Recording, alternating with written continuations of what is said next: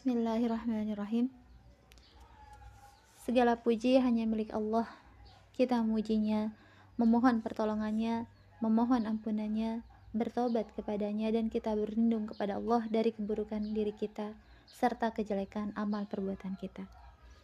Barang siapa diberinya petunjuk, maka tidak ada yang dapat menyesatkannya dan barang siapa dibiarkannya dalam kesesatan, maka tidak ada siapa pun yang dapat memberinya petunjuk. Salawat dan salam semoga senantiasa tercurah kepada pemimpin kita Muhammad, Rasul terakhir, serta pemimpin para ahli fikih dan orang-orang yang mengamalkan apa-apa yang telah diturunkan kepada beliau. Rahmat dan kesejahteraan semoga Allah limpahkan kepada beliau dan para sahabatnya sebagai pembawa bendera petunjuk. Kesejahteraan semoga dicurahkan kepada orang-orang yang mengikuti mereka dengan baik hingga terjadinya hari kiamat kepada orang-orang yang menetapi petunjuk mereka semua serta mengikuti janji jejak mereka. Amma ba'du. Ketujuh imam itu adalah orang-orang yang meletakkan batu pertama fikih, baik itu fikih ra'i atau berdasarkan logika, ataupun fikih atsar atau berdasarkan sunnah. Mereka semua memiliki kedudukan yang agung dalam sejarah fikih islami, juga memiliki derajat yang tinggi di antara para ahli fikih. Mereka adalah generasi pertama yang menerima ilmu fikih dan hadis dari al-abadillah, sahabat Rasulullah Wasallam, para sahabat Rasulullah Wasallam yang bernama Abdullah. Yang dimaksud al-abadillah itu antara lain Abdullah bin Umar, Abdullah bin Abbas, Abdullah bin Az-Zubair, Abdullah bin Amr bin As, dan sahabat-sahabat lainnya yang terlibat dalam periwayatan dan penukilan dari Rasulullah Shallallahu Alaihi Wasallam juga dari sahabat beliau. Tidak semua hal tentang biografi mereka dibahas di dalam buku ini karena kami bermaksud sekedar menyampaikan cahaya yang sangat terang dan sangat kuat pada tahun-tahun yang terdapat pada paruh kedua dari zaman permulaan Islam dan zaman di mana dakwah Islam menyebar ke berbagai penjuru bumi. Para ahli fikih yang tujuh itu merupakan naungan yang cukup mencengangkan dalam berbagai buku fikih dan sirah.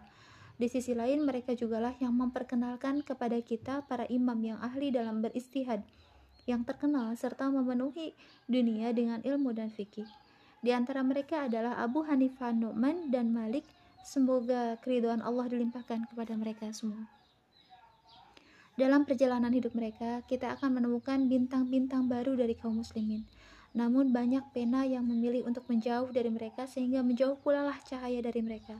Sementara itu mereka adalah para peletak usul fikih dan logika ra'yu di antara mereka adalah seorang ahli fikih yang pemberani seperti Sa'id bin Al-Musayyib juga ada seorang pendidik yang sangat berbudi seperti Urwah bin Az-Zubair sebagaimana yang akan kita dengar dan lihat dari sirah mereka.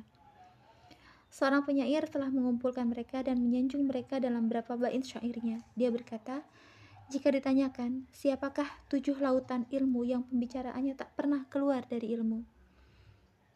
Katakan mereka adalah Ubaidullah, Urwah, Qasim, Sa'id, Abu Bakar, Sulaiman, dan Kharijah. Para ulama ahli fikih yang tujuh ini, Ridwanullah yang alaihim, merupakan orang-orang yang paling banyak menyatukan antara kecermatan dan kebenaran periwayatan, takhrij, serta pemberian fatwa berdasarkan logika atau ra'yu. Padahal mereka semua berasal dari Madinah. Dan fikih Madinah itu terkenal dengan fikih atsar yang tidak banyak mengemukakan logika dan ijtihad. Fikih mereka itu benar-benar menerangkan dengan sangat jelas tentang sejumlah fikih yang berdasarkan logika dan tahrij yang berasal dari Madinah al-Munawwarah. Ada dua orang yang telah meriwayatkan dari mereka sejauh ini yaitu Ibnu Syihab Az-Zuhri yang termasuk dalam jajaran Sigharut Tabi'in dan Rabi'atul Ra'i yang merupakan guru dari Imam Malik rahimahullah ketika ibunya memakaikan sehelai baju yang lembut kepadanya seraya berkata, Pergilah wahai anakku dan belajarlah tentang adab dan ilmu darinya. Semoga Allah melimpahkan keridoannya terhadap mereka semua karena mereka telah mengikuti kaum muhajirin dan ansar dengan sebaik-baiknya sampai datangnya hari kiamat dan semoga Allah melimpahkan pahala kepada kita karena kita mencintai orang-orang pilihan dari mereka dengan kecintaan yang tidak tersaingi oleh apa pun selain kecintaan kita terhadap para sahabat Rasulullah Wasallam juga sebagai pendekatan terhadap fikih mereka dan sunnah Rasulullah Wasallam.